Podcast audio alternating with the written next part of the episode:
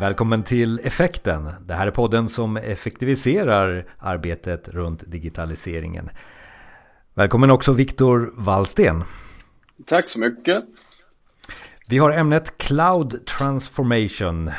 Ett engelskt begrepp som, som säkert kan översättas till, till svenska. Eh, väldigt mycket pratar vi om eh, när vi är ute hos kunder. Vi pratar om moln, vi pratar om molntjänster, vi pratar om hur man tar sig till molnet. Eh, cloud transformation finns med där. Och, och, och Viktor, vad är då cloud transformation för dig? Cloud transformation för mig, det är ju någonting som egentligen är indelat i, i flera delar. Eh, Dels är det ju människor och processer.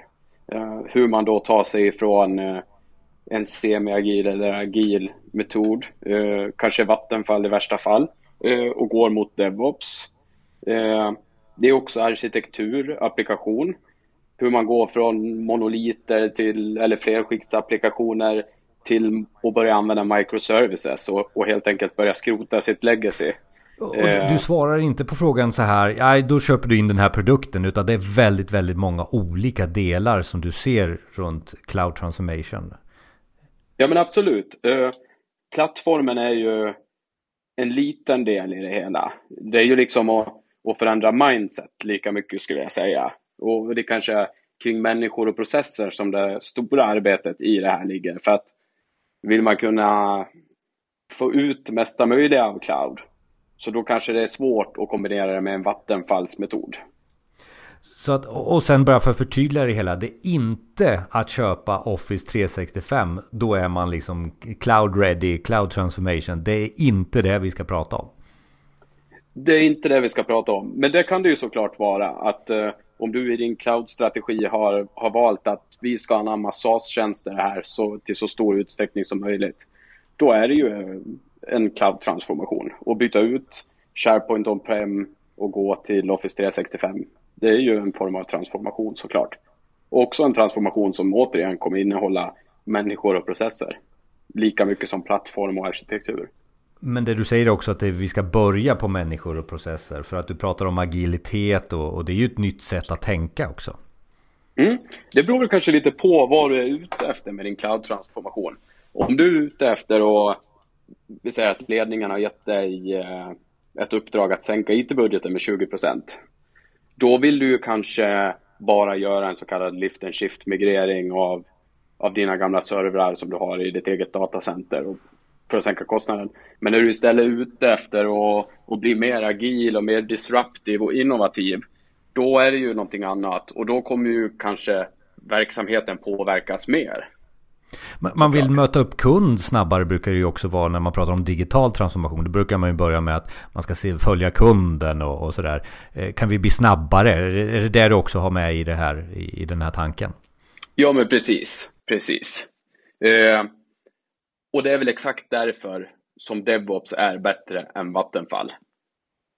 Det handlar ju på något sätt om att du har fått ett kortare attention span hos dina kunder idag. Eh, kunderna vet vad de vill ha och de förväntar sig också att du ska leverera det de vill ha. Du ska inte sitta och vänta. Det klassiska time to market eh, begreppet kommer även in här. Precis, precis. Och det är väl detsamma med att de här traditionella utvecklingsmetoderna, de, de uppfyller inte riktigt de kraven som man har idag. När man vill ut med nya tjänster och du kanske vill göra fyra releaser i veckan till produktion. Och, och, och, nu är vi lite inne på för att, för att du ser ju framför dig det, det är människor och det är processer och det är ett, ett arbetssätt egentligen. Eh, när vi pratar agilt och vi pratar om releaseförfarande och så här, då pratar vi egentligen om processer snabbare, snabbare, snabbare, snabbare. Men om man skulle vara konkret här så, så att man, man, man förstår sig på lite mer det här. Om man skulle ta exempel på Eh, organisationer och företag som, som du kan, kan nämna eh, eh Eh, som är bra på, på, som har lyckats lite med att jobba på det här sättet som, som du beskriver? Ja men absolut. Eller så kan man kanske vända på frågan och så kan man fråga sig så här. Känner jag till något företag som inte är cloud ready idag? Eller som inte försöker jobba på det här viset som det går bra för? Det börjar ju kanske bli lite uttjatat nu med Airbnb och Uber. Men det tog också ganska många år för till exempel Taxi Kurir i Stockholm att få ut en app som, med liknande funktionalitet som, som Uber. Och det är klart att om de inte hade haft något legacy och bara kunnat utveckla nya tjänster så kanske de hade kunnat få fram den där appen på en månad istället för tre år eller vad det nu tog. Precis, samma typ av bransch, eh, olika typer av hastighet när det gäller att komma ut eh, med, med, en ny produkt var det i, i det här fallet. Då. Ehm, men, men, är det några mer där eh, som du kan exemplifiera? Eller, eller ska vi prata fördelar egentligen? Fördelar mm, på exempel här. Eh, eh, jag brukar ju, när du nämner sådana där Uber och sådana så, så, brukar jag säga att det är ett nytt företag. Uber är ett nytt företag, vilket innebär att man inte kanske hade så mycket ryggsäckar, vilket innebär att man kunde jobba med sina processer och anamma, i det här fallet, en cloudlösning snabbt. För det är ju en fördel i, i, i cloud där. Ehm, har du något mer där konkret eh, som, som du har jobbat med kanske? Eh, ja, men så här. En intressant grej. För några veckor sedan så var jag på en presentation eh, som Gartner höll i. Eh, det var på temat att accelerera den digitala transformationen och att vi egentligen har, eh, har passerat digital transformation. Att det är, det är nu lite gammalt. Eh, och sen i slutet på den här presentationen så fick han frågan om du bara får ge mig ett råd. Vad ska jag göra för att verkligen få fart på min digitala transformation? Och då var hans enda råd, utan att han egentligen behövde fundera särskilt mycket över vad det var, det var kill your legacy. För det är ju det här legacyt som ställer till det. Din backend. Du har inte möjligheten att bygga nya tjänster. Och du kanske dessutom måste vänta först 12 veckor på att få en server som det här ska snurra på. Då är det ju liksom du är ju borta, du är inte konkurrenskraftig då såklart. Ja, men tekniken där som du pratar om och konkurrensfördelarna där, det, det, handlar ju om flera olika skikt när det gäller teknik förstås. Säkerhet kan jag anta också här? Ja, absolut, absolut. Och det är någonting som man måste ta med i, i beaktningen. Jag tycker, jag har ju haft otroligt mycket diskussioner eh, med kunder och med partners kring säkerhet och molnet. Och det har ju varit lite uppdelat i två läger. Det finns de som tycker att molnet är säkrare och så finns det de som absolut inte litar på det överhuvudtaget. Eh, jag tycker, eller jag brukar försöka göra det till en icke-fråga. Jag är av den åsikten att molnet är mycket säkrare. Microsoft spenderar mycket mer pengar på säkerhet än vad du någonsin kan göra i ditt datacenter det här är väl en utmaning också för myndigheter och, och privata. Eh, myndigheter har väldigt svårt att se det här med, med molnet eh, som positivt säkerhetsmässigt. Eh, är det bara att nöta där och förklara det här om och om igen kanske? Ja, men jag tror det. Det blir ju fler och fler myndigheter och fler och fler kommuner som går in i Office 365 och det är väl ofta kanske den första kontakten med molnet som man har. Eh, Eh, nu efter hela skandalen på Transportstyrelsen där så, så kanske, det kanske vi har kommit bakåt några månader i de diskussionerna. Eh, men jag tror absolut att det är vägen framåt även för dem. Och jag tror att GDPR kommer påskynda hela den här förflyttningen till molnet och molntjänster. Något annat där i fördelar och exempel som du, du, du vill eh, framhäva här i diskussionen? Mm, ja men absolut. Förutom de här klassiska som att, att det faktiskt eh, är fullt möjligt att sänka sina kostnader ganska rejält och att man slipper ligga ute med en massa pengar och bara betala för, för det man använder och skalbarheten så, så tycker jag nog att eh, den största fördelen det är ju kanske att man förändrar businessens sätt att se på IT. Att IT inte längre bara blir de här som, som bråkar med en och sätter stopp för olika initiativ utan att IT här har möjligheten att bli en möjliggörare. Ja, men och, och alla de här fördelarna som man faktiskt får med molnet. Eh, och sen har vi då också kostnadsuppföljning skulle jag säga är ju ett rejält lyft. Eh, en diskussion som jag haft med många kunder. Eh, man får en helt annan möjlighet att kolla hur mycket ett system eller ett projekt faktiskt kostar.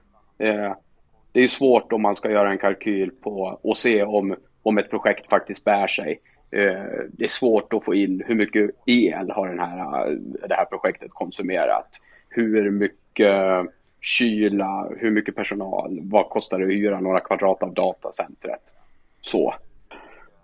Ja, nej men det är en aggregering egentligen utav väldigt mycket av det som har varit eh, IT eh, avdelningens jättebudget som man kanske inte har delat upp eh, på det sättet som du nu definierar ja, precis så. Och sen är väl eh, miljön faktiskt någonting som man kanske ska ta med i, i beaktning också. Eh, det finns ju några datacenter nu som är, är miljöcertifierade och så. Ja, det blir ju mer centralisering utav just den tanken också. Eh, färre, färre ställen där vi har väldigt mycket kraft och, och där kan man koncentrera sig på miljö miljöaspekten, både tekniskt och effektiviseringsmässigt. Antar ja, precis. Och de ser till att, att all överskottsvärme går till något bra. Och, men, men nu Viktor, nu sitter jag här och lyssnar då som, som, eh, som organisation och, företag och, bara okej, okay, cloud, nu har jag förstått det här, eh, det kan vara bra det här. Men någonstans så måste jag ju börja. Eh, jag står på en plats där, där jag vill komma någonstans. Eh, så Viktor, hur lyckas jag här med, med min cloud transformation? Mm. Eh, jag tror att det är bra om man kopplar den här resan emot sina affärsmål. Eh, varför vill man använda molnet? Vad är det faktiskt man vill uppnå? Är det att spara pengar eller är det att bli snabbare, mer disruptive? Eh, eller vill man bara komma åt den nya funktionaliteten? Eller är all, alla saker tillsammans? Eh, för det kommer ju på något sätt och styra din resa mot molnet och hur du ska göra den.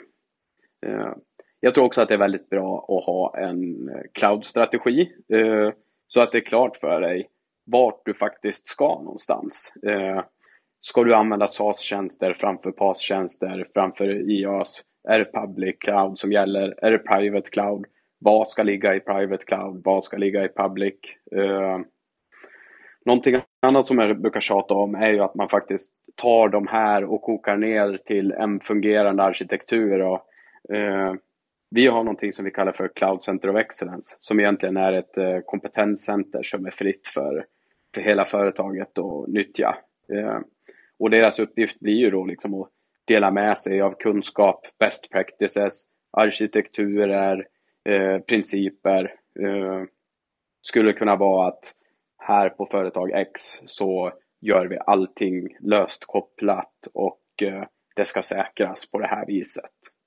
Eh, och de ska också eh, då dela med sig av, av sin expertis för att för att hjälpa verksamheten att lösa de problem som uppkommer och så här. Och hjälpa teamen och bli, bli självgående helt enkelt. Och så sist men inte minst kanske dela med sig av eh, vad som händer där ute i världen. Hur, hur förändras det? Vad är på väg? Eh, vad är nästa stora grej? För det här kommer ju då att påverka din cloud-strategi och, och din resa framåt. Så det är viktigt att den är levande också tror jag. Och du behöver kanske hålla någon, få hålla någon i handen, en partner där också som någon fjärde del. Ja, men jag tror att det är, är väldigt viktigt att se till att skaffa en partner som har, har varit med och gjort den här resan. Det är ju någonting som kommer påverka ditt, ditt företag i, i grunden liksom. Så att om vi bara kort repeterar så är det nummer ett, alltså koppla mot affärsmålen, se till att du, du verkligen förstår att det här är en förändring av människor och processer. Det är det som är punkt ett. Eh, jobba med en eh, cloud-strategi på tvåan. Lite mer tekniskt som jag lyssnade lite med. Lite mer arkitektur, rita tekniskt. Eh, har jag rätt ja, där? Absolut, eller? absolut. Mm.